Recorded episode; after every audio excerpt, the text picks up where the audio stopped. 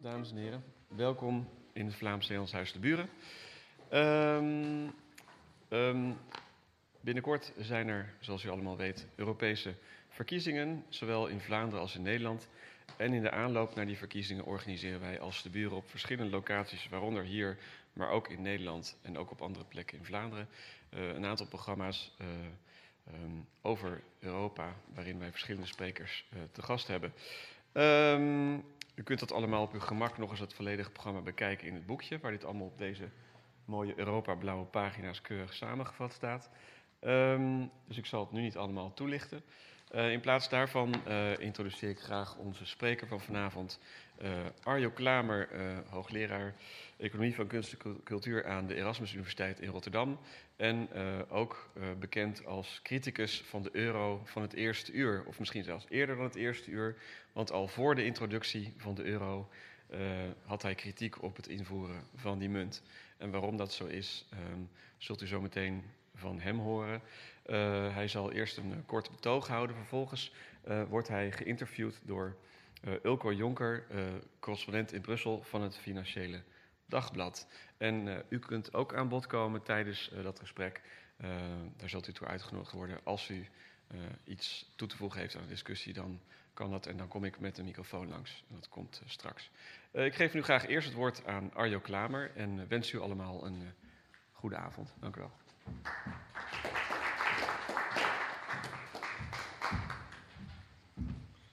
Goedenavond.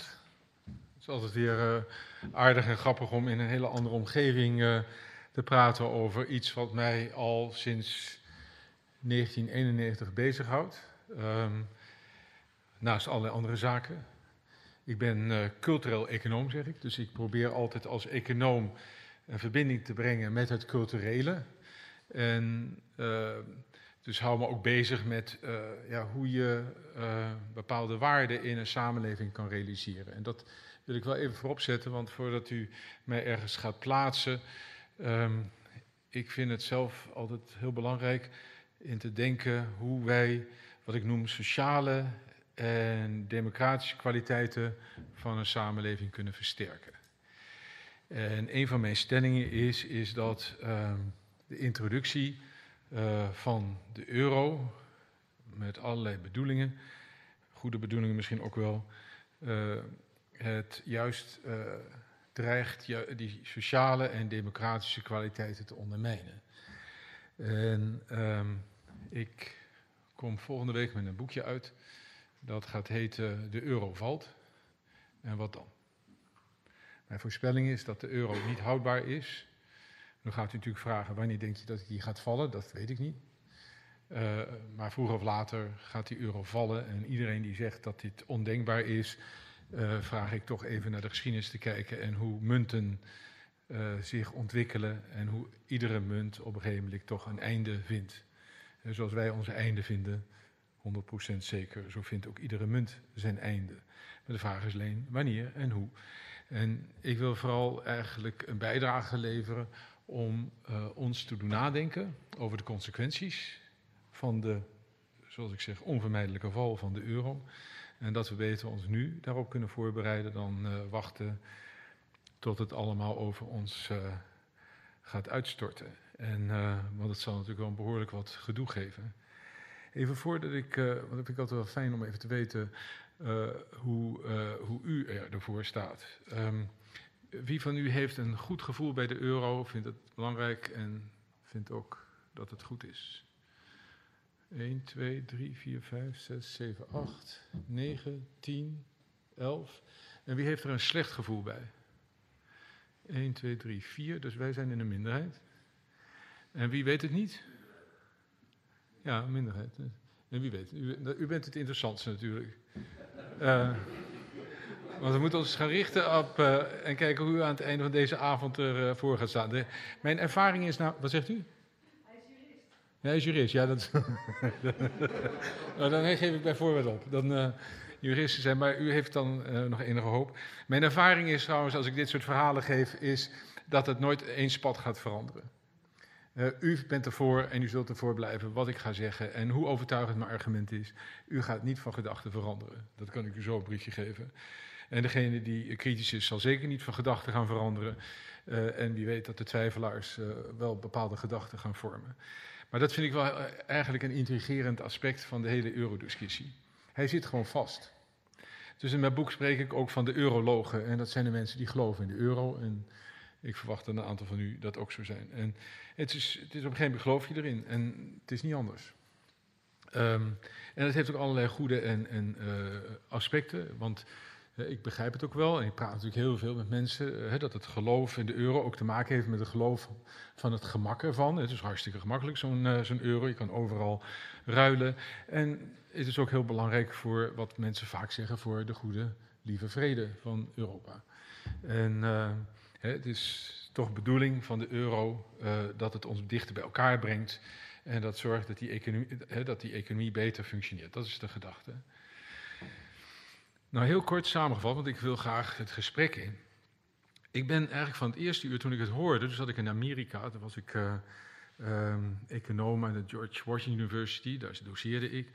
En um, ik herinner me het nog niet, uh, wel goed eigenlijk dat, dat op een gegeven moment kwam ik erachter uh, dat men bezig was met het plan van de euro.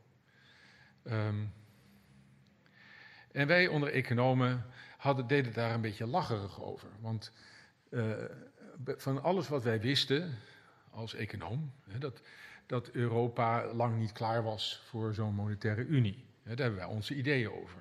Om een monetaire unie te vormen uh, moet je voldoen aan bepaalde voorwaarden. Hè, de, de, de, verschillende economieën die dan zo'n monetaire unie uh, beslaan, die moeten zich op een manier toch wel wat convergeren of iets gelijk, gelijk oplopen.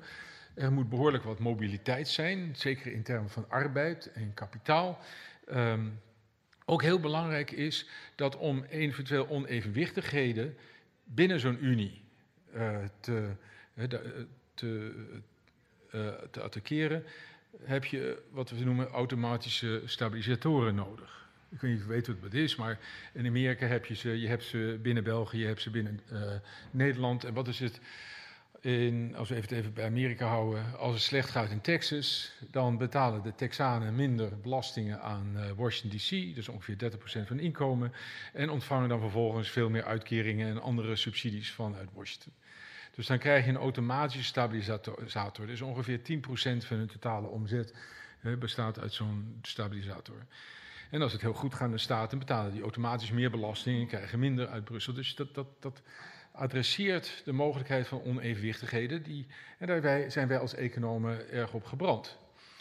Uh, want het voordeel van een aparte munt is dat je dan een prijs hebt. Dus als het slecht gaat in de regio, kan je die prijs verlagen en dan wordt het goedkoper. En dan zit je weer beter in de markt en dan trekt het weer aan. En als het duur, als, je, als, als het goed gaat, erg goed gaat, dan gaat de prijs omhoog.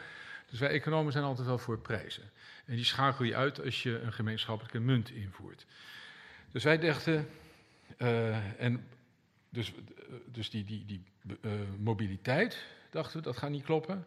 Er zijn geen automatische stabilisatoren. En ook wat we toen al zagen is dat, dat er onvoldoende, uh, geen sterk genoeg politieke unie is om die monetaire unie waar te maken. Dat konden wij gewoon niet zien dat je dan ook, want je hebt een sterke Europese Centrale Bank nodig, die goed, goed, ingekaderd is, om dat te garanderen dat die, dat die munt betrouwbaar is. En daarbij begrepen we eigenlijk niet waarom die Duitsers hun markt gingen opgeven. Althans, zo keken we er in 1990 tegenaan. Uh, ik kreeg net een column in uh, de Volkskrant. En mijn eerste column heette De Europese Spooktrein. En ik deed eigenlijk niet anders dan uh, verwoorden wat gewoon gangbaar was in mijn kringen. Van hoe halen ze dit nou in hun hoofd? Uh, hoe durven ze dit risico te nemen om een euro op dit moment in te voeren? Um, en hoe gevaarlijk dat was. Dat was eigenlijk mijn uh, boodschap. Ik heb later begrepen dat de redacteuren van de Volkskrant serieus hebben overwogen om die column niet te plaatsen. Ja, dat was niet iets wat je op dat moment blijkbaar, wist ik niet, kon zeggen in Nederland. En toen ik terugkwam, ik heb dat aantal keren nog andere columns herhaald, nogmaals niks bijzonders uh, in de context waarin ik daar opereerde. Toen kwam ik in uh, 1994 in, in, Nederland terug en ik heb het toen ook een paar keer gezegd, ook in, in situaties als deze. En toen werd ik heel snel opzij genomen door wat parlementariërs en zei: Arjo, als je hier wat in, in Nederland wil betekenen, moet je daarmee ophouden. Het is niet, niet verstandig om het daarover te hebben. Ehm, ik vond dat gek. Want, uh, ofwel, die, die, euro werkt, of die euro werkt niet. Ik bedoel, en als die niet werkt, dan ben ik als wetenschapper toch, is mijn verantwoordelijkheid om daarop te wijzen, dacht ik. Nee, dat was nou niet de bedoeling. Nou, toen hebben we nog wel in 1996 een actie onder, uh, opgezet onder economen. We bleken dat toch veel economen ook in Nederland het mee eens waren. Daar hebben ze een manifest opgesteld en gezegd, gewaarschuwd tegen de invoering van de euro. We dachten een tijdje dat we Bolkestein van de VVD mee hadden, want die was ook heel kritisch. En die ging ook dwars liggen. Maar toen heeft hij. Uh, uh, en toen, toen kwam die, dat stabiliteitspact. Uh, als zoethoudertje, althans dat kreeg ik te horen van Pieter Dankert. zei van dat is gewoon een zwassen neus. Dat gaat Europa nooit waarmaken. Maar goed, dat was wel nodig om Bolkestein over de streep te halen. Dus de enige keer dat ik erg naar een debat ben gegaan in de Tweede Kamer. om te kijken hoe Bolkestein. of hij zijn recht, rug recht zou houden. Dat heeft hij niet gedaan. En dus werd, was de, euro, de invoering van de euro een feit ook in Nederland. Nou, um, inmiddels denk ik dat er eigenlijk uh, niets uh, veranderd is of uh, zodanig ontwikkeld is om de argumenten die ik toen en anderen met mij dus hadden tegen de euro, dat die veranderd zijn. Um, het heeft me altijd wel bevreemd dat, uh, dat Lubbers en de Loor, die toch wel architecten waren van de hele constructie, uh, zwaar hadden ingezet op een versterking van de politieke unie, omdat ze ook wel bewust waren dat die nodig was voor de monetaire unie. En toen in de bekende dramatische uh, maandag, zoals dat heet, de zwarte maandag in de diplomatieke geschiedenis van Nederland, dat dat weggeschoten werd. Um, dus dat we eigenlijk, uh, en dat toen Delors en Lubbers hebben besloten om toch met de monetaire unie door te gaan, ook al is de garantie van de politieke unie uh, was niet daar. En ik, heb, ik, spreek Ruud Lubbers er wel eens op aan, of dat heb ik één keer gedaan, en toen gevraagd van mij, dat is toch onverantwoord? Als je weet dat dat een voorwaarde is, hè, dan, dan ga je toch een enorme gok nemen. En dan krijg ik de typische reactie van de opgehaalde schouders. Ja, dat is wel zo, maar het is niet anders. Die krijg ik heel vaak. Zo, kunnen we niks doen. En dat begrijp ik eigenlijk wel. Als je politicus bent, dan zit je in zo'n systeem. Je kan daar moeilijk dat soort besluiten mee nemen. Je kan moeilijk eh, je vasthouden aan die waarheden, want er zijn alle andere waarheden die een rol spelen. En dan zal je wel moeten. Dus, um, dus dat is wat. Eh, dus, dus hij zei van ja, en dat hebben ze allemaal toegezegd, van dan gaat die euro die politieke unie uh, afdwingen. En dat zien we precies nu gebeuren.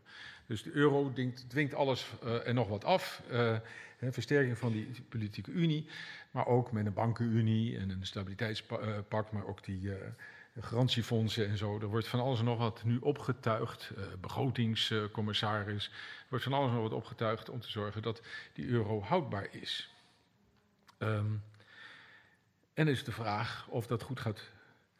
Toen in 2001 was ik voorzitter van een club van Verenigd Democratisch Europa, dat. En toen hebben we een bijeenkomst georganiseerd, euro, splijtswam of uh, bindmiddel. En eigenlijk is dat het thema. He, is, is, is euro, brengt dat bij ons bij elkaar? Of dat, uh, leidt dat tot een, een, gespleten Europa? Dat is eigenlijk de vraag. En, um, en dus, dus en ik denk ook dat dat uh, nu een thema is uh, waar we toch wel eens over moeten nadenken: van wat doet de euro met Europa? Uh, ik zelf denk van um, dat zeker als ik denk aan de euro als um, hoe dat nu functioneert. We hebben sinds 2008 spreken we over de eurocrisis. Um, dat dat de zaak toch behoorlijk op gespannen voet zet. En, um, en dat ook de vraag is of en wanneer we daar uitkomen. Het is heel goed mogelijk dat we hier uitkomen. Hè? Dat we toch op een manier het gaat lukken om weer toch uit die crisis te krabbelen. En dat het eventjes een schijn gaat hebben dat het, uh, dat het goed gaat. En dat, hè, dat we de zaak bij elkaar gaan houden. Voor mij is dat een illusie, een schijn die alleen maar tijdelijk zal zijn. En dan zal ik even proberen duidelijk te maken waarom. Waarom ik toch denk dat ehm, eh, deze euro onhoudbaar is. Dat heeft uh, in eerste te maken met uh, de, het ontbreken van een politieke unie. Maar het belangrijkste is, denk ik, want dat zit daar, ligt daar aan ten grondslag, het ontbreken van wat, je dan, hè, wat we dan noemen de demos, de samenleving. Hè, dat er een Europese samenleving is. En ik weet niet hoe u het ervaart, maar ik heb uh, de afgelopen tijd toch wel met uh, een zekere afgrijzen beleefd. Ik was, uh, begin dit jaar was ik in, in Chili. En ik was uitgenodigd in een cultureel centrum. En de mevrouw die dat runde, die vertelde dat was ooit het hoofdkwartier. Nee, het was een, een centrum dat Allende had gebouwd weet niet of een aantal van u gaat ook wel zo ver terug, maar hè, Allende was een grote held, althans toen ik daar studeerde, het fantastisch wat hij daar deed. En hij blijkbaar dit, dit, dit, met al zijn idealismes had hij dat centrum gebouwd met arbeiders die gelijke rechten hadden en die hij zelf op een gegeven moment, uh, toen de hoogste punt werd bereikt, zelf heeft bediend en zo, heel idealistisch allemaal. Nou, we weten allemaal wat er toen met Allende gebeurd is. En toen heeft Pinochet, omdat hij dus ook in zijn voortvarendheid om van Allende af te komen, ook dat paleis uh, waarin Allende zat in uh, platgebonden bedeerd, dus kon hij zelf niet in zitten. Toen heeft hij dat gebouw betrokken. Dus het gebouw, en daar heeft hij zijn regeringshoofdkwartier ingericht. Dus een symbolisch gebouw op allerlei manieren. En um, ik werd eraan herinnerd van het Pinochet-regime, wat u misschien ook wel nog voor de geest staat. En wat wij toen in de tijd erg vonden, was de zogenaamde Chicago Boys hadden hun, we noemen dat een cold turkey approach. Eh, de koude kalkoen benadering in het Nederlands. Um, en dat was heel erg, dus echt vrije markt. Dus uh, je gaat uh, de, de enorm bezuinigen op de begrotingen. Je gaat die, die overheid kleiner maken, belasting verlagen, ruimte creëren voor ondernemerschap, maar ook uh, lonen en uh, salarissen verlagen. En dan neem je alle armoede die dan uh, ontstaat op de koop toe, ook de ongelijkheid. Um, en uiteindelijk werkt dat heel goed, zo'n cold turkey approach. Alleen, als je een beetje een sociaal gevoel hebt, dan kijk je daar met afgrijzen naar. Want dan, de prijs is hoog als je bekijkt al die mensen die werkloosheid, werkloos zijn en arm. En als je ook de ongelijkheid ziet, die trouwens in Chili de grootste is. Hè, daar heb je de grootste ongelijkheid van heel Zuid-Amerika. Dus in die zin. Dus ik, en toen realiseerde ik me dat wij nu in Griekenland en Portugal eigenlijk precies hetzelfde doen, alleen veel erger. We maken het veel erger in termen van alle cijfers, van werkloosheid, van armoede. We doen het alleen maar veel erger. De ongelijkheid neemt razendsnel toe, armoede ook. En ik dacht van, dat is toch wel gek. En ik spreek dan mijn sociaal-democratische vrienden aan, die uh, ook in Europa bezig zijn. En hoe kunnen we dit nou gebeuren? Toen stonden we op de barricade, schreeuwden de longen uit ons lijf, uit protest voor de idiotie wat daar gebeurde, daar helemaal in Chili. En nu gebeurt, gebeurt het in onze zogenaamde achtertuin en we doen alsof onze neus bloedt. Ja, het argument is, dat hebben de Grieken en de Portugezen verdiend. Nou, ik heb heel veel van die studenten nu, maar die komen allemaal bij ons nu. En als ik hun verhaal hoor, ik schaam me te pletter. Dat dat onder onze wacht gebeurt. En dat we dat allemaal meemaken van als het allemaal normaal is. En dat het hun probleem is. Je moet dit voorstellen, ik weet niet hoeveel Hollanders hier zijn, maar als ik dat voorbeeld mag gebruiken. Stel nou uh, dat Zuid-Holland, uh, dat de bestuurders daar een zootje van maken. Wat er een beetje op leek trouwens, dat dat gebeurde. En dat uh, plotseling blijkt door al die derivaten enorme schulden zijn gemaakt. Wat gaan we dan doen? Gaan we dan tegen de Zuid-Hollanders zeggen: jullie hebben die mensen gekozen, dus uh, we gaan uh, de salarissen met 30% verlagen en we gaan jullie laten betalen voor de schuld? Geen sprake van. We ontslaan die bestuurders en zijn solidair en zorgen dat de problemen opgelost zijn. Zo doen we dat. En ik denk, in, in België doe je precies hetzelfde. Dus dan, dat is solidariteit. Maar op een reden kunnen we dat dus niet opbrengen in, uh, in, in Europa. We zeggen, nou, dat is hun probleem, jullie probleem. En ze zullen het oplossen ook. En dan zie je eigenlijk hoe Europa, de euro als splijtswam aan het werken is. De euro is op allerlei manieren als splijtswam. Al in de constructie hebben we het zo geconstrueerd dat, uh, dat we hebben landen die binnen de euro zijn en landen buiten. Dus Engeland zit er buiten. Dat is het begin van het splijten van de Europese Unie. Dus het ondermijnt het Europese Unieproject, het samenwerkingsproject, door mensen, eh, landen er binnen te nemen en de rest er buiten te laten. Betekent dat de eurolanden zich steeds meer moeten committeren tot steeds verregaande maatregelen, waar die andere landen buiten blijven. Dus je krijgt een twee sporenbeleid. Mensen die meedoen met de euro en degenen die er buiten vallen. Daar begint het mee. Vervolgens heb je een splijtswam tussen Noord en Zuid, die duidelijk nu uh, naar boven komt. Dus je hebt eigenlijk op deze manieren al twee manieren waarop je de zaak uit elkaar drijft. Dus als je, wat ik zelf ook ben, een voorstander ben van samenwerking en Europese Unie, dan is de euro die dat project ondermijnt, is mijn stelling.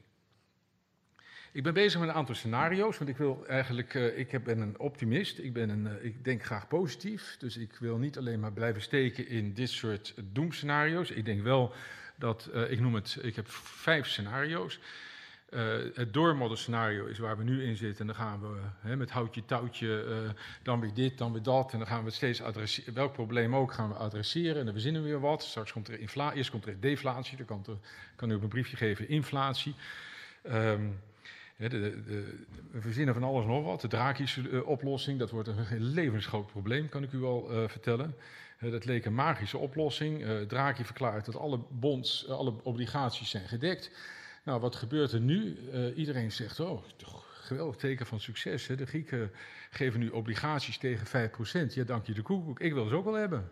Als Draghi zegt, ik garandeer ze, dan ben ik met 5% koning de Rijk. Want ik kan dat in mijn eigen spaarrekening over de Nederlandse obligaties krijg ik nog ineens 2%. Dus 5% geef maar. Dus het geld stroomt nu uh, Europa binnen. Dus de euro is hoog. Iedereen vraagt, hey, succes. Ja, dank je de koekoek. Dat is wat we met een draakjes uh, oplossing hebben gerealiseerd. Maar dat is één scenario. Ik denk eigenlijk het meest uh, legitieme scenario om de euro te redden is wat ik dan de Verhofstadt-scenario noem. Ik denk de enige mogelijkheid hè, dat de euro echt gered wordt worden, verdere federalisering, Europese belasting, het organiseren van die automatische stabilisatoren. Dat is de enige kans voor de euro om te overleven. Het lijkt me ook een zelf lijkt mij totaal onrealistisch, naïef, om dat überhaupt te denken dat het gaat gebeuren, maar het is wel de enige kans.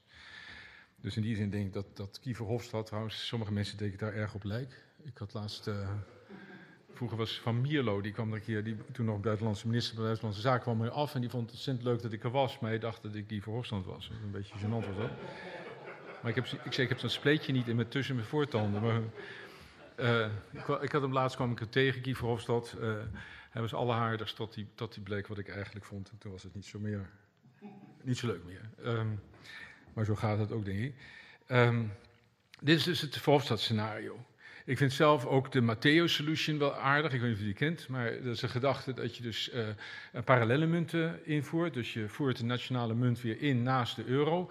En dat betekent dat je wel iets, als uh, iets kan laten devalueren. Dus je rekent in je eigen munt. Je betaalt nog steeds in euro's. Dat is de gedachte daarachter.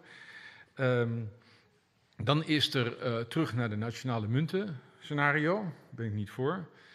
Um, maar dat is bij ons de PVV die daarvoor, die zegt stap eruit en uh, adopteer je eigen munt. Um, dan is er de Neuro-Zero uh, variant. Een aantal Duitsers zijn daarvoor. Bolkestein, die inmiddels heeft bekend dat de euro een grote vergissing is, is daar ook voor. Um, ik denk dat dat hetzelfde probleem heeft als, als de euro. Want dan ga je weer combinaties maken die dan weer van alles en nog wat moeten optuigen om dat bij elkaar te houden. Dat gaat natuurlijk een tijdje goed, maar als economieën uit elkaar gaan lopen, dan wordt dat weer een probleem. Ik denk niet dat probleem, dat de oplossing is.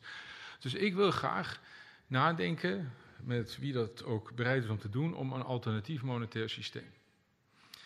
Ik denk dat het belangrijk is om uh, in te denken aan de economie van de toekomst. Dat is een dynamische, flexibele, flexibele economie economie die zich aan de ene kant globaal uh, ontwikkelt, maar ook regionaal zich manifesteert. We zien het al, dat, dat regio's op allerlei manieren veel sterker zijn. Hè, dat zich steeds meer concentreert. Het heeft ook economische argumenten, hè, en zo, en dicht op elkaar zitten, dat versterkt het. In zo'n systeem moet je niet gaan naar monoculturen, zoals een monocultuur met, met één munt voor alles en nog wat. Maar moet je eigenlijk begrijpen dat een munt niet alleen een rekeneenheid is, niet alleen een, uh, een, uh, een betaalmiddel, maar ook een bindmiddel. Munten hebben een belangrijke rol om bepaalde transacties binnen bepaalde regio's te versterken. Zoals het natuurlijk ook gedacht was met de euro. De euro was bedoeld om transacties binnen euro te versterken, maar ook als bindmiddel te functioneren. Gemeenschappelijke identiteit, zoals het ware dat we de een gemeenschappelijke taal hebben en dat het daarom bindend werkt. Zoals ik eerder heb aangegeven, ik denk niet dat het zo werkt in, in Europa. Het werkt eerder als een splijtswam. Maar dat idee gebruikende kan je toch zeggen dat, dat een munt he, gebruik je ter versterking van bepaalde regio's. Eenvoudig voorbeeld. Um, in Nederland worstelen we ontzettend nu met uh, dat gedoe in die grensstreken. Uh, wij willen uh, toch belastingen via accijnsen binnenhalen. Nou, accijns omhoog op de benzine en, en sigaretten en zo. Nou ja, wat er gebeurt er dan aan die grensstreek? Ja, jouw euro is, kun je hier uitgeven, maar ook een paar kilometer verder over de grens. Waar het toevallig veel goedkoper is. Dus daar denk je niet over na, dat doe je natuurlijk. Dus die pomphouders aan deze kant van de grens hebben het enorm moeilijk. Als jij eventueel maar in je, dat, dat je een, je eigen munt hebt, dan is die stap, die paar, paar kilometer verder, veel groter. Want dan moet je een andere munt hebben en dan is een, duidelijk een signaal, dat, is, dat zijn anderen. Dus je, je trekt die grenzen op een manier en je bevestigt ze ook. En dat voorkomt niet totaal, maar wel gedeeltelijk dit soort grensproblemen. Je markeert het. Maar dat geldt ook voor regio's. Ik ben eigenlijk voor een systeem van vele munten, van parallele munten en complementaire munten. Dus wat nieuw. Zie helemaal schudden. Uh, het is een nieuw idee, hoewel ook wel verkondigd door uh, Bernard Litaar, hier een uh, Belg, die banker, bankier, econoom. En er, zijn, er is een hele beweging. Maar ik vind dat interessant om door te denken. Um, wat het systeem van parallele munten inhoudt, is dat je dus uh, nationale munten kan hebben. Hoeft niet, maar kan wel. Die opereren naast een UNO, een universele munt, die over de hele wereld gebruikt kan worden in het betalingsverkeer. Een grote droom ooit van John Maynard Keynes. Daar zijn we nooit echt aan toegekomen. We hebben wel een keertje die special drawing rights gehad, maar er is toch een grote behoefte aan een soort universele munt, een UNO. We kunnen heel goed de euro gebruiken voor verkeer uh, in Europa. Allerlei betalingsverkeer tussen banken en overheden en zo. Naast uh, landelijke munten, hè, zegt de florijn, je moet nooit de oude munt terugnemen, maar de florijn als nieuwe munt en de Carolus in, uh, in Duitsland, nou, bedenk maar eens wat voor namen, daar kunnen we allemaal heel creatief in zijn. Um, en, maar ook regionale munten. Dus Amsterdammetjes, Rotterdammetjes, Gooise matrasjes. Uh, munten die regionaal circuleren.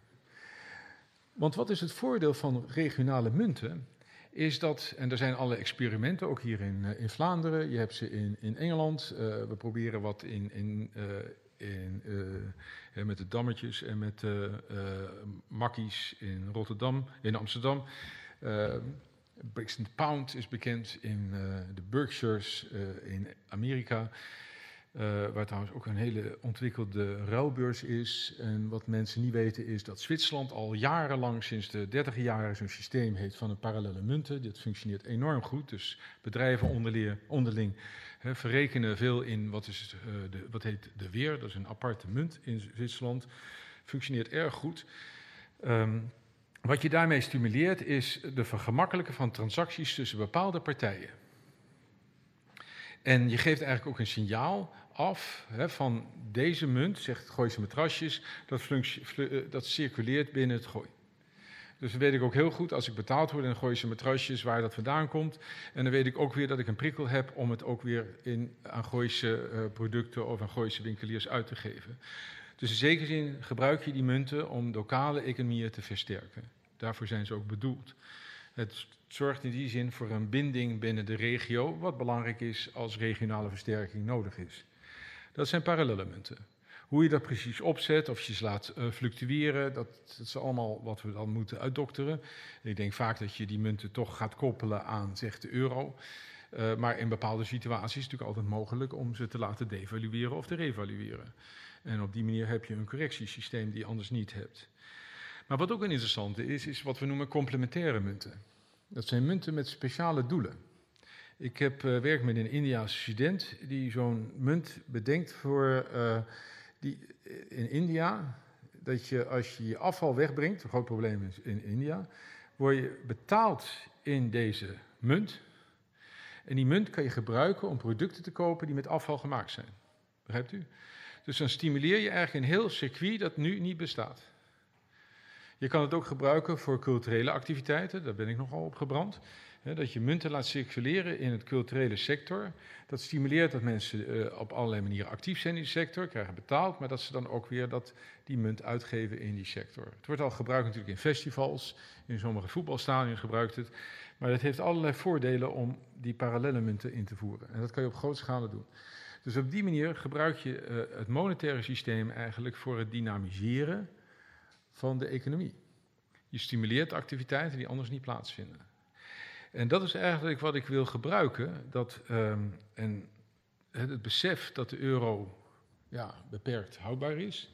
Ik denk dat het gewoon toch een fout idee is. Um, die ondermijnend is voor het ideaal van een Europese samenwerking. En ons ontzettend veel gaat kosten. Dat we een enorme hoge prijs voor moeten gaan betalen om vast te houden in die euro. We betalen hem al. We zijn al bereid om allerlei democratische en ook sociale waarden op te offeren. Vergelijk maar even nou dat verhaal wat ik vertelde naar aanleiding van uh, Chili en wat wij doen in Griekenland en Portugal en ook Spanje en Ierland en tot zekere hoogte Italië. Um, dus dat we toch, om, om een beter Europa te functioneren, toch moeten gaan denken aan een ander monetair stelsel. En de moed moeten hebben om te beseffen dat het inderdaad geen goed idee was. Um, dat het dreigt hè, ons uit elkaar te drijven. Wat ik nog niet genoemd heb, maar waar ik graag over wil praten, is dat de euro natuurlijk eigenlijk bedoeld was om die Frans-Duitse as in uh, uh, vast te houden. Dat was eigenlijk de prijs die Duitsland moest betalen om de Fransen uh, vast te houden. Ik, mijn voorspelling is ook dat, um, en zo beschrijft het boek, ik, we hebben de naam Heibel bedacht als nieuwe Duitse premier, die op een gegeven moment besluit dat wat Sarkozy dan weer doet, dat is de nieuwe Franse premier. En we denken 2018 of zo. Um, dat het echt de spuigaten uitloopt en dat hij daar helemaal geen, uh, geen trek heeft. Vooral Sarkozy zegt dat hij hulp nodig heeft, wat zeer waarschijnlijk aan zit te komen, dat de Fransen in de problemen komen. En dan uh, besluit uh, Heibel de stekker eruit te trekken. De Duitsers zijn al je ziet het in, de, in de, die alternatieven, de, de, nieuwe Duitse partij. Er is al enorm veel onvrede over die euro onder de Duitsers. Veel heftiger dan in Nederland. Er wordt veel heftiger over gedebatteerd.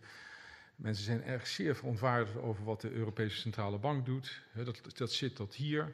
Ze zijn nog een beetje beleefd, maar ze vinden het helemaal niks. Dat uh, Draghi, uh, tussen haakjes van Goldman Sachs, ooit uh, ook een belangrijke architect van alles waar we mee te kampen hebben, maar nu aan het hoofd van de Europese Centrale Bank. Wat die ervan maakt, hè, dat is voor hun uh, vloeken in de kerk. Dus die Duitsers die zitten hier. Die moeten natuurlijk wel mee. Je kan je niet veroorloven om uh, kritisch te zijn, want dan gaan de financiële markten vallen over alles heen. Maar goed, uh, de verwachting is uiteindelijk dat ook dat gaat gebeuren. Hè? Dus dat, dat die Frans-Duitse as onder enorme druk staat. En daarom vind ik dat we moeten gaan denken over hoe gaan we voorkomen dat het te veel schade gaat aanrichten. Want het is echt onvermijdelijk, is mijn stelling. Uh, dus we kunnen beter nu ons daarop voorbereiden. Banken hebben dat trouwens al in verregaande mate gedaan, door allerlei ontvlechtingen. Maar beter vind ik het ook dat we gaan nadenken over wat dan. Wat is beter? Wat kan, hè, hoe kan het beter? Hoe kunnen we het anders doen? En dat we het eigenlijk die meer, veel meer uh, ja, steunen van het project, dat velen van ons denk ik wel delen, dat uh, het belangrijke is dat, dat Europa, Europese landen op allerlei manieren samenwerken. Voor uh, wat dan ik zou willen bepleiten, een democratisch en sociaal Europa. Dat zou toch het doel moeten zijn. Oké. Goedenavond. Um, ik ben Ulke Jonker. Ik ben uh, correspondent van het Financiële Dagblad in Brussel betekent dat ik, dat, uh, uh, dat ik hier al drie jaar zit. Maar uh, ik heb hier ook eerder gezeten, van 90 tot 1994, de tijd van het verdrag van Maastricht. Dat is eigenlijk ook de geboorte van de euro geweest natuurlijk, zoals we allemaal weten. Um, En wat opvallend en wat aardig is, en voor mij in ieder geval bijna de cirkel rondmaakte, was dat ik toen ik hier terugkwam in Brussel, ehm, dat ik ook na de geboorte, ook bijna het einde van de euro, heb, uh, heb uh, meegemaakt. Uh, we kennen natuurlijk allemaal de crisis waar we doorheen zijn gegaan, die alleen kon worden bezworen.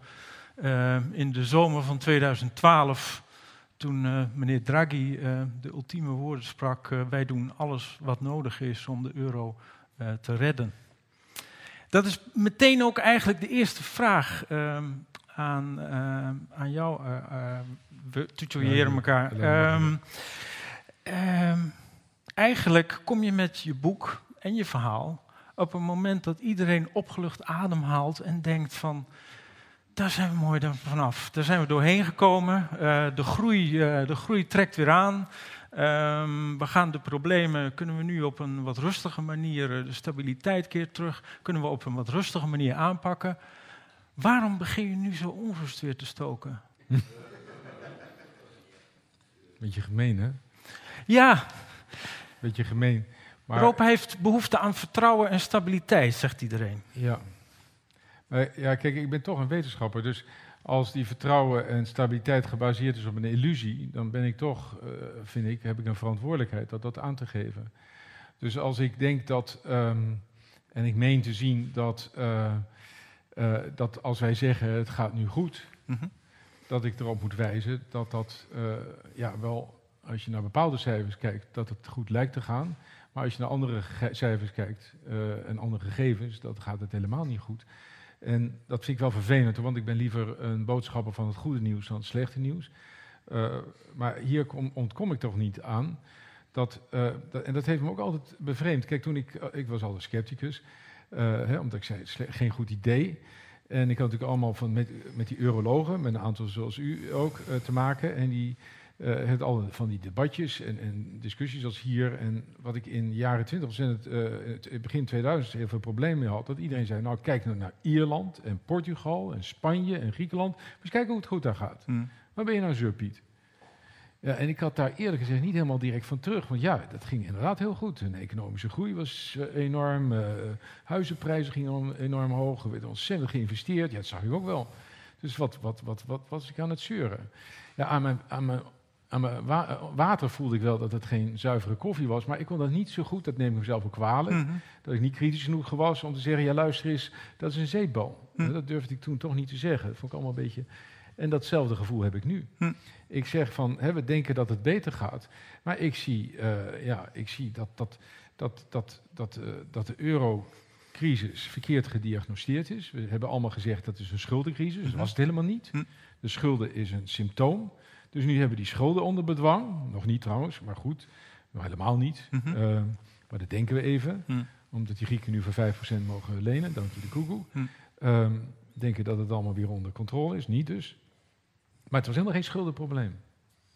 Het probleem ten fundamentele is de euro zelf. Nee. Nou ja, de euro zelf. Maar het probleem is... En ook dat neem ik mezelf. Ik heb al die. Het is dat ik weer bij zo'n uh, aantal ambtenaren van het uh, van, uh, ministerie van Financiën en Centrale Bank. Die allemaal van die staatjes. En die lieten dan inflatie. Mm. Gaat allemaal bij elkaar. En rente gaat allemaal naar elkaar toe. En zeggen het is allemaal het convergeren. Maar wat ze niet vertelden is de lopende rekeningen. Want die liepen helemaal uit elkaar. Ja. En dus, die zie je nu allemaal weer convergeren. Ja, die gaan nu weer wat langzaam. Dat moet wel, onder uh, dwang van uh, die enorme mm -hmm. bezuinigingen. En die, ja, als je 30% uh, minder salaris gaat betalen, mm -hmm. dan gaat ze op een gegeven moment wel eens vertalen in wat meer export. Ja. ja maar dat is wel een hoge prijs. Maar goed, ik, ik, de onevenwichtigheid tussen die verschillende economieën, dat is het probleem. En die onevenwichtigheid, um, daarvan zeg jij, ook um, over tien jaar of over twintig jaar komt dat niet goed. Nee. Het is niet zo dat Europa, mede dankzij die euro, mede dankzij die intensivering van de handel, die ook door de euro wordt gestimuleerd, um, dat Europa juist uh, sterker naar elkaar toe groeit. Waren de verschillen vroeger tussen Europese landen niet veel groter dan ze nu al zijn? Nou, bepaalde opzichten wel, andere opzichten weer niet, want er is natuurlijk wel veel gebeurd. Mm. Kijk, die, die, die, die Europese samenwerking heeft natuurlijk wel dingen gezorgd dat, dat we op een bepaalde manier dichter bij ja. elkaar zijn. Maar ik ben een cultureel econoom, zei ik. Dus ik ben wel alert op culturele verschillen. Mm. Daar kijken normale economen, normale economen, standaard economen, kijken daar niet naar. Mhm. Die kijken alleen naar uh, goede voeten en werkloosheidscijfers en dat soort dingen. Ik kijk ook naar cultuur. En ik zie culturele verschillen. En, en als er iets moeizaam is en langzaam verandert, is, uh, is cultuur. Uh, een voorbeeld dat ik altijd graag gebruik is, nou we zitten in België, maar de taallijn hier. Het is heel gek eigenlijk, want je zou zeggen, als je zo vlak bij elkaar woont, dan ga je met elkaar trouwen en dan vervaagt dat. Nee, die, die, taallijn hier, die blijft vrij strak, bijna op dezelfde plaats lopen. Dat is echt opmerkelijk hoe, hoe dat vasthoudt. Mhm. En hoe je toch ook, en we hebben ook te maken met een Vlaamse cultuur die toch weer heel anders is dan een Nederlandse cultuur, Mhm. een Walloonse cultuur die weer anders is. En dat is heel, heel hardnekkig. We weten ook dat, uh, even op kleinere schaal, uh, als bedrijven gaan fuseren en dat ze alle reden hebben om dat op basis van cijfers om dat te doen, dat het in ongeveer zeven van de tien gevallen fout gaat. En waarom gaat het fout? Mhm. Vanwege culturele verschillen. Daarom, uh, Fortis ABN AMRO ging, ging, niet werken. En dus culturele verschillen zijn hardnekkig. Mhm. En, um, en dat wordt eigenlijk volledig uh, genegeerd. Mhm. En dat is een reden waarom ik denk uh, dat die verschillen uh, groot uh, blijven. Vanwege de, de, de invloed van die culturele verschillen Ja. op, de, op de economische Ja. structuur. Economische structuur, hoe men werkt, Mhm. hoe men met elkaar omgaat. En we hebben nu de neiging om te zeggen, onze cultuur is superieur, dus Grieken moeten worden zoals wij. Eh, Dezelfde werkhouding, eh, dezelfde houding überhaupt ten aanzien van eh, handel en zo. Mhm. En dat is de gedachte eigenlijk, Mhm. ja, wat een arrogantie eigenlijk, dat wij denken. Dus dat zij zoals wij, wij moeten worden. Eh, ja, dat kan je een tijdje volhouden, maar op een gegeven moment gaat ze wel wel wreken. Ja, die- Maar wij weten natuurlijk dat Grieken andere USP's hebben dan wij. Ja, Ze hebben zon, ze hebben zee, ze hebben Ja. record toeristeninkomsten Ja. dit jaar. Ehm, ze, hebben, ze hebben wat dat betreft, ze zijn niet, het is niet hopeloos voor nee, Griekenland. helemaal niet. Helemaal niet. De Griekse eh, samenleving kan heel goed functioneren. Maar Alleen- kunnen zij niet met juist die zaken ehm, ook eh, ja, het, been bijtrekken ten opzichte van de rest van Europa? Of Ja. zeg je van nee, dat, die verschillen zijn zo groot. We gaan ze niet alleen proberen te overbruggen, dat, dat doen we niet meer. Jij zegt van we stoppen ermee met proberen om, om, om te integreren. Ja, je dwingt me een stap verder te maken. Eh, ik denk dat het hele idee van Europa, een euro vooral, gestoeld is op een, ja, ik noem dat 19e eeuws denken. We denken heel sterk in termen van macht. Een Mhm. grote markt is beter. Mhm, Eh, hoe groter de markt, hoe sterker. mhm, Eh, hoeveel meer concentratie, hoe beter. En dat iedereen daarvan profiteert. Dat is de gedachte. Eh, dat is gewoon niet zo. Hm. Kijk, landen als Singapore en Zwitserland en Noorwegen en nou ja, allemaal kleinere landen doen het algemeen kleiner, beter dan grotere landen. Op alle scores, als je naar innovatie kijkt, naar, naar gezondheid, Mhm. naar geluk. eh, kleinere landen scoren eh, veel, veel beter dan grotere landen.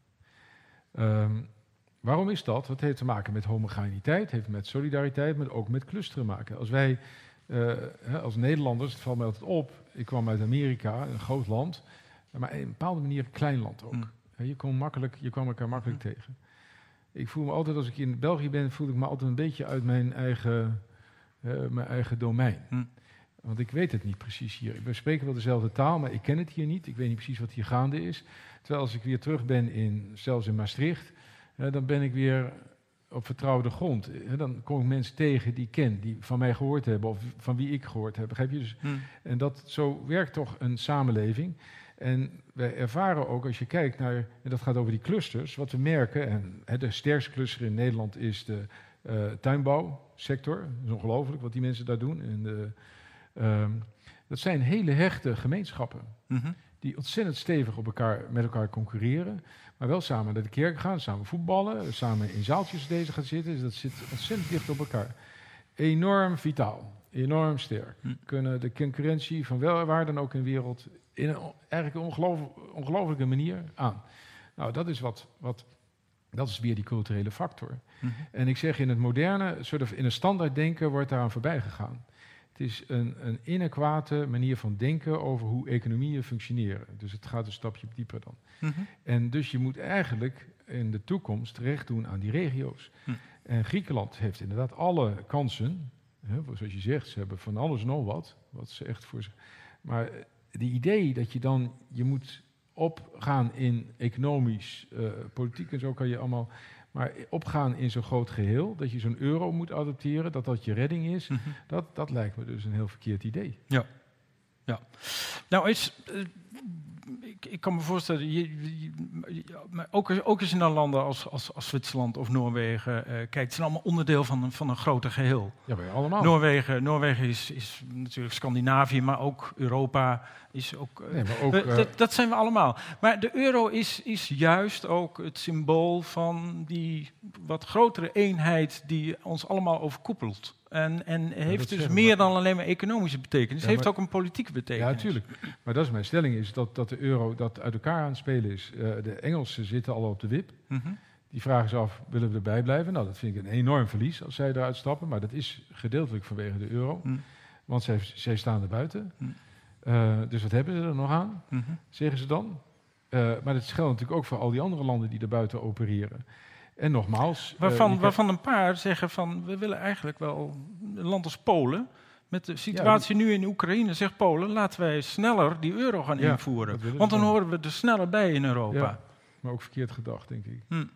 Maar ik begrijp de gedachte wel. Kijk, je denkt, maar nogmaals, ik, het is verkeerd gedacht. Het is instrumenteel gedacht, verkeerd gedacht over wat de rol uh, van geld is. Hm.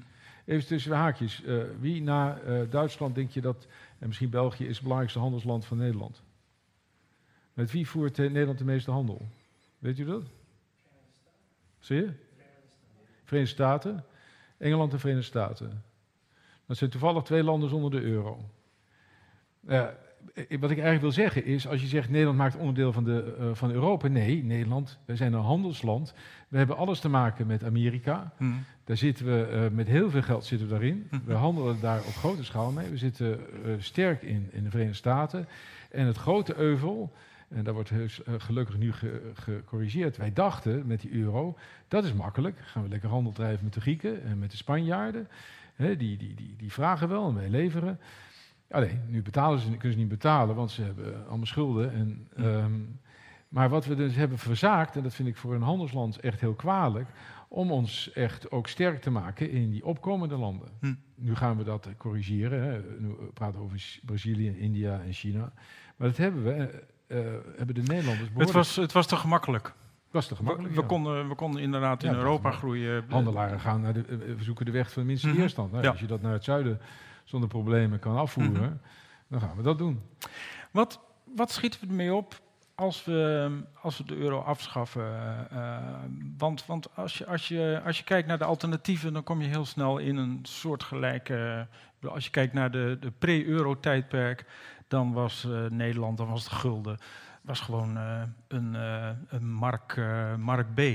Um, er, zat, er zat geen verschil tussen de D-mark en, en de gulden. Um, ja, dat en dat gold natuurlijk voor een, voor een aantal landen in de omgeving van Duitsland. Is het nu niet zo dat gewoon die D-mark-zone wat groter is geworden, maar dat het in feite hetzelfde principe blijft? Nou, kijk, dat zeggen we altijd dat, dat we onderdeel van de D-mark-zone was, maar het was eigenlijk dat vlak voor de euro, we gingen die euro koppelen aan, aan elkaar toen waren wij eigenlijk wat ondergewaardeerd. Dus we zijn eigenlijk te laag erin gestapt. Omdat, omdat we, één keer, één keer uh, niet mee zijn gegaan. Ja, omdat uh, wij toen ja. onze economie relatief goed deed. Weet, -hmm. De Duitse economie deed het helemaal niet zo goed. -hmm. En nu doet de Duitse economie het goed, maar het ziet er ook niet erg rooskleurig uit. Mm -hmm. Ik verwacht ook dat de Duitse economie wat klappen gaat oplopen. En en dan, dan is het maar de vraag, hè, want het is ook wel grappig, om of grappig, uh, we kunnen nu wel zien, we dachten altijd als, als, uh, dat wij uh, parallel lopen in Duitsland, op het lopen we dat helemaal niet. Mm. Want daar gaat het qua werkloosheid groei veel beter dan bij ons. Dus, dus eigenlijk valt het eigenlijk ook wel mee of Dank, tegen. Dankzij de euro overigens, hè, voor de Duitsers. Ja, voor de, deur, ja, de Duitsers, dat is daarom ook denk ik is een probleem. Kijk, als een econoom denk je, als, als je profiteert van een ondergewaardeerde valuta dan geeft dat op een gegeven moment uh, geeft dat problemen. Hmm. No, he, niets komt uh, gratis en voor niets in de economie. Maar daarom snap ik ook niet waarom jij zegt dat het uh, misschien straks, of waarschijnlijk straks, en je schrijft dat in het boek ook, dat het de Duitsers zijn die de stekker, de stekker ja, eruit gaan trekken ja, dat gaan ze doen. Leg, leg eens, vertel. Nou, nu verkeren ze onder de gedeeltelijke illusie, illusie dat ze wil profiteren van de euro. Omdat de euro voor hun eigenlijk veel te laag staat hmm. en dat de rente heel laag blijft. ehm, Duitsland zou eigenlijk een veel hogere waarde van, de, van hun munt moeten hebben en een veel hogere rente. Hm. Eh, trouwens, eh, eh, die hele lage rente, ik heb er, de, eh, sommige, voor sommigen is het hartstikke leuk, maar voor anderen helemaal niet. Als jij een spaarder bent of je hecht aan je pensioen, dan is die lage rente echt een, dra- eh, eh, een, een drama. Die pensioenen hebben het ontzettend moeite met die lage rente. Dus het is altijd het mes snijden aan twee kanten. Daar moet je altijd met de economie aan denken. Dus, dus je kan jezelf rijk rekenen, maar een andere eh, wordt daar juist het armer van. Dus Maar dat ligt niet aan de euro, toch? Nee, het ligt niet aan de euro, dat is Nee. gewoon algemeen zo. Ja. Maar dan moet je wel even denken, want mensen zeggen van... hé, hey, eh, hè, die waarde van de euro, eh, goed voor de Duitsers. Nee, dat is altijd maar... Mhm. hè, dat is, en die lage rente, goed voor de Duitsers. Ja, voor sommige Duitsers, voor anderen niet. En- Maar toch gaan ze, ze gaan die stekker eruit ja, dat trekken. gaan ze doen. Waarom? Tenminste, zo, zo analyseer ik het. Ehm, het zit allemaal gedraaid om die Frans-Duitse ars. En Kijk, überhaupt de hele Europese eh, eh, gemeenschap is ontstaan. Dat verhaal vertel ik in mijn boek ook, maar jullie kennen dat waarschijnlijk. dat we dachten, we gaan die Eerste Wereldoorlog niet herhalen. En de Duitsers, eh, mijn held Keynes had dat ook duidelijk aangegeven. Hè, die had aangegeven dat, dat toen na de Eerste Wereldoorlog... dat, dat die, Fransen, die Duitsers een enorme hoge prijs moeten betalen. Die, Keynes was daar woest over. Eh, heeft een heel veel boekje geschreven, The Consequences of the Peace. En zeggen, dit is, dit, is, dit is gewoon een uitnodiging voor de volgende wereldoorlog, gelijk had hij. Dus na die Tweede Wereldoorlog had besloten, dat gaan we niet eh, herhalen. Het was, ging over kolen en staal, dus Europese gemeenschap kolen en staal. De, de Amerikanen hebben ons daartoe aangezet. Mhm. Eigenlijk gechanteerd. Je krijgt geen Marshallhulp als je die daar niet meedoet. Nou, heel verstandig van ze. Dus wij moesten wel. En, en wij moesten, hè, de Benelux-landen, Italië meedoen, want dan moest je toch wel een beetje buffer rond eh, die, die as. Dat is een aardige dag trouwens. En nou, toen is Duits, de Amerikanen zijn afgehaakt en wij zijn doorgegaan. En andere landen zijn meegegaan. Maar het is vooral, het draait steeds om die Frans-Duitse as. Ja. En eigenlijk tot twee jaar geleden werkte dat ook zo. Mhm. Eh, Sarkozy die de bevalling van zijn kind opgeeft om eh, Hmm. met Merkel over de euro te overleggen. Nou, dat is toch ongelooflijk. Mhm. Eh, maar nu zien we al dat dat niet helemaal zo vlotjes meer gaat. Hollande en, en Merkel. Dat, dat, dat wrijft niet zo lekker. Ehm, en, eh, en we zien ook... eh, ja, ik vond zelf een open... Ik weet niet of je dat opgemerkt hebt... eh, maar eh, dat werd een beetje uit de school geklapt. In Le Monde stond dat. Dat Merkel zegt Mhm. van... de euro gaat het niet redden... tenzij we echt vol gas geven in die begrotingsdiscipline. Met andere woorden, ze zei een conditional, een, een voorwaarde. En dat is ook, en ik, ik, ik herinner me eerder, dat was in 2009 geloof ik, Hm. dat Guy Verhofstadt op de Nederlandse televisie kwam. En ik keek, ik, de ogen vielen eh, eh, eh, uit mijn ogen, het- de schellen vielen van mijn ogen. Guy Verhofstadt die zegt, de euro gaat het niet redden, tenzij we Mhm. gaan federaliseren. Ja. Ik zeg, wacht eventjes. Dus hij, deze politicus, zegt dat als we dit niet gaan doen, dat de euro niet gaat redden. Maar wacht eventjes, als die federalisering dus niet gaat, eh, gaat gebeuren, dan gaat die euro dus niet redden, vindt hij. En dat En gelooft Merkel- hij wel van, van Guy Verhofstadt. Dat gelooft hij wel Ja, van hem. Ja, eh, ik heb helemaal gelijk. Oké. Dat hebben we gelijk. Maar Merkel heeft ook gelijk. Als dit niet gaat gebeuren, Mhm. dan gaat die euro niet Maar houden. dat is precies wat er nu gebeurt. Ja. Men Precies, probeert- precies dat is, ik bedoel, de, de, de begrotingsafspraken, de begrotingsdiscipline, de convergentie, de, de, de economic eh, governance, is allemaal Dat gaat allemaal aangepast. gebeuren, ja. Het is allemaal, dus, dus de vraag is dan, ja, waarom zou je jezelf voorbij gaan hollen in een avontuur waarvan je de uitkomst absoluut niet kunt overzien? En zeker niet ehm, als je naar jouw model kijkt. Nou ja, mijn model heeft, eh, bedenk dat ik altijd die culturele componenten weer Mhm. fietsen. Dus dit is, eh, Europa wordt eh, bestuurlijk gedacht. Mhm. Dat is iets, een erfenis ook van de, tweede, eh, van de grote depressie trouwens. Toen we bedacht hebben dat je een samenleving, een economie kan managen. Mhm. In Nederland noemen we dat een maakbare samenleving.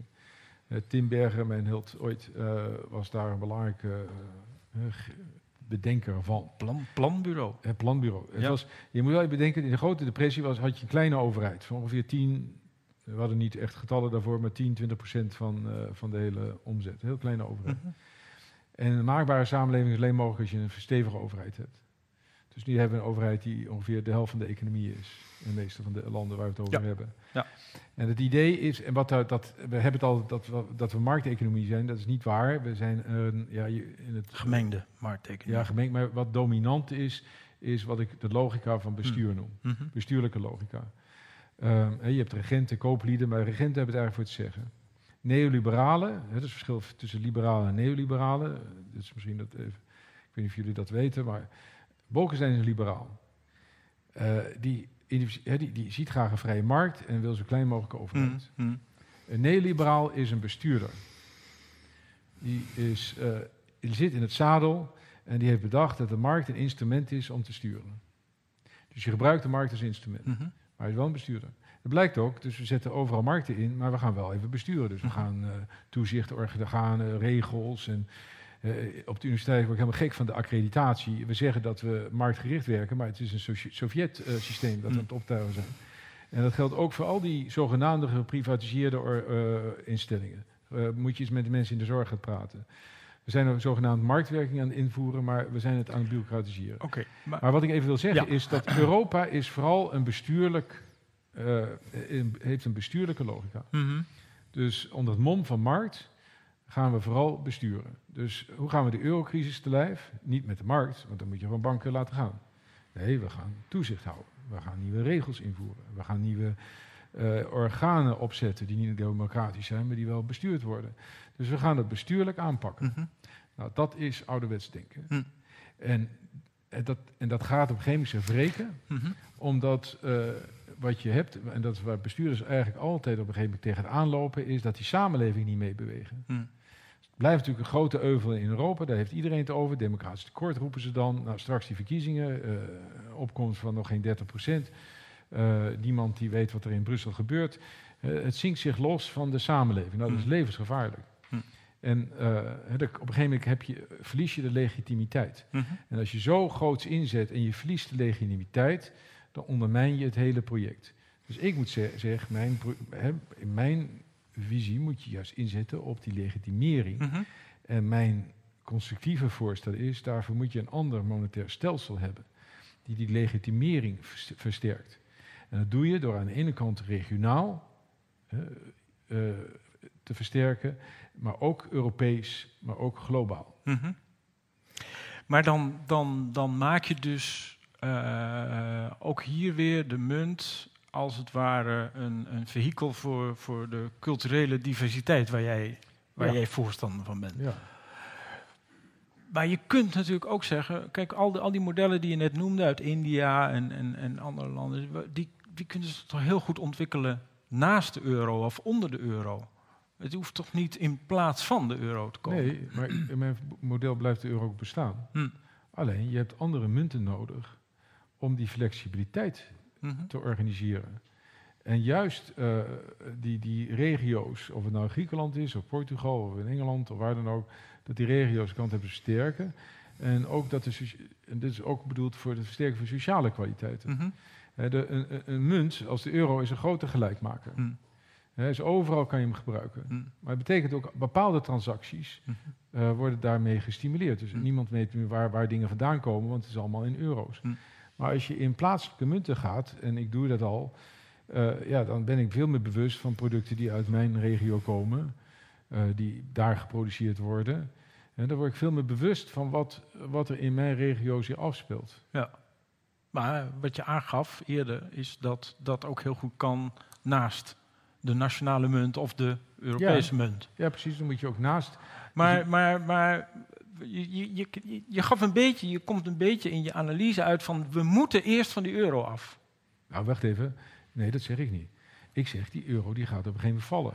Oké. Daar, daar hoef niet, ik, ik, ik ben helemaal niet voor dat we er vanaf moeten. Nou, Eh, dat, is, dat, is, dat is de laatste twintig jaar jouw verhaal. eh. nee, ik zeg, ja, de euro is een slecht idee. Mhm. En een slecht idee gaat op een gegeven moment eh, ook zich bewijzen een slecht idee, doordat Ja. het niet gaat werken. Ja. Eh, en als het niet gaat werken, dat is niet dat, dat iemand, eh, dat wij moeten zeggen, we moeten uit die euro, zoals eh, Wilders dat Hm. roept, dat is helemaal nergens voor nodig. Mhm. Ik zeg, blijf lekker zitten en hou vast aan die euro. Ik vind ook, als jij verantwoordelijkheid hebt, moet je dat tot de laatste snik daaraan daar, daar, daarmee volhouden. En net zoals onze vriend Colijn die gouden standaard tot op het laatste moment zat te verdedigen. De dag daarvoor, voor die het nog eh, ging afschaffen, zwoer, zwoer hij erbij. Mhm. En zelfs ook die Argentijnse president, nou er waren er zes eigenlijk, die toen de peso zo ontzettend onder druk was, want die stond, was gelijk geschakeld aan de, aan de Hm. dollar, was onhoudbaar. Bij de ene president eh, naar de ander zei dat is ondenkbaar dat we dat opgeven. Maar ja, op een gegeven moment gebeurde het wel. En toen waren al die Argentijnen het twee derde van hun eh, bezit kwijt in één klap. Dat was een behoorlijke ingreep. Ja, ja. Ehm, maar als bestuurder moet je het altijd tot de laatste snik moet je vasthouden dat het ondenkbaar is, onbespreekbaar is dat de euro gaat vallen of opgegeven wordt. En toch moeten we ons erop voorbereiden. Tuurlijk, want het gaat gebeuren. Ja.